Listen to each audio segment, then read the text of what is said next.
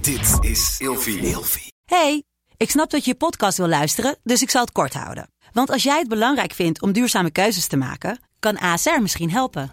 Nou hoor ik je denken, hoe dan?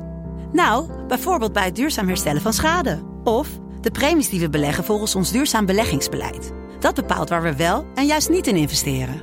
Wil je meer weten over welke duurzame keuzes ASR maakt? Ga dan naar asr.nl slash duurzame keuzes. ASR doet het. Zo, dan kan je nu lekker naar je podcast luisteren. Vroeger. Midden Munnik, we bespreken deze week het onderwerp Waffen-SS. En op deze dag geven we altijd een verhaal in de categorie. Wist je dat? Wist je dat? Wist je dat? Hugo Bos, met dubbel S, de Duitse uniform heeft ontworpen. Je lul. Voor de SA en voor de SS. Nee, dat is echt waar. Wat erg. Ja, nou, weet je, die man moest ook zijn geld verdienen.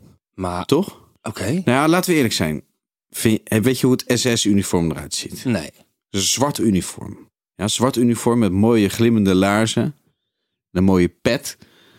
En als je dan bijvoorbeeld eh, in een tank zat, had je een mooie baret. Dat past heel mooi bij je pak. En als je een officier was, had je dus een zwart uniform met ja, witte details. Ook een witte riem.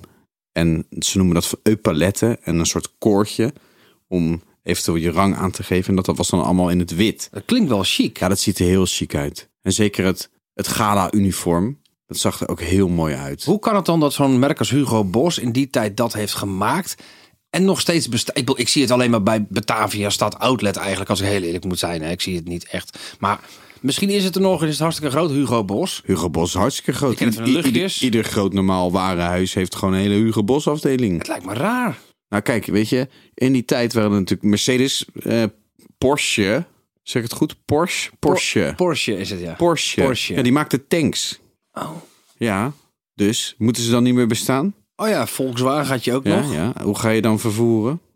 Lijkt me toch moreel... ver- Hoe zeg je dat? Verwerpelijk? Nou, het lijkt me moreel gezien moeilijk om voor zo'n partij te werken, lijkt mij. En dan later gewoon te zeggen, oh sorry, maar ja, het was gewoon een klant van me. Ja, ik heb al die SS'ers en die NSB'ers en die nazi's en weet ik, de SA's. Daar heb ik allemaal van pakken voorzien. Ik heb heel veel geld verdiend aan de oorlog, want we hebben heel veel pakken verd- Weet je? Wat is er misdadig aan een pak? Nee, het is misdadig aan degene die je helpt. Ja. Vind Maar- ik lastig. Maar bijvoorbeeld IG Farben. is- Zaten zij zelf ook bij de NSB? Zaten zij zelf bij de SS? Ja, dat is- dat die vind ik- directie dat van vind ik- Hugo Bos. dat vind ik dus- met dubbel S. Ja, vind ik een hele goede vraag. Het, Moet zal, bijna wel. Het moet bijna wel. Het is een want- soort ronde tafel, Want denk anders toch? krijg je die order niet. Nee. Jij, jij bent een natie en jij bent... act- Snap je? Ja, dat is het. Hugo Bos. Dank je. Vroeger.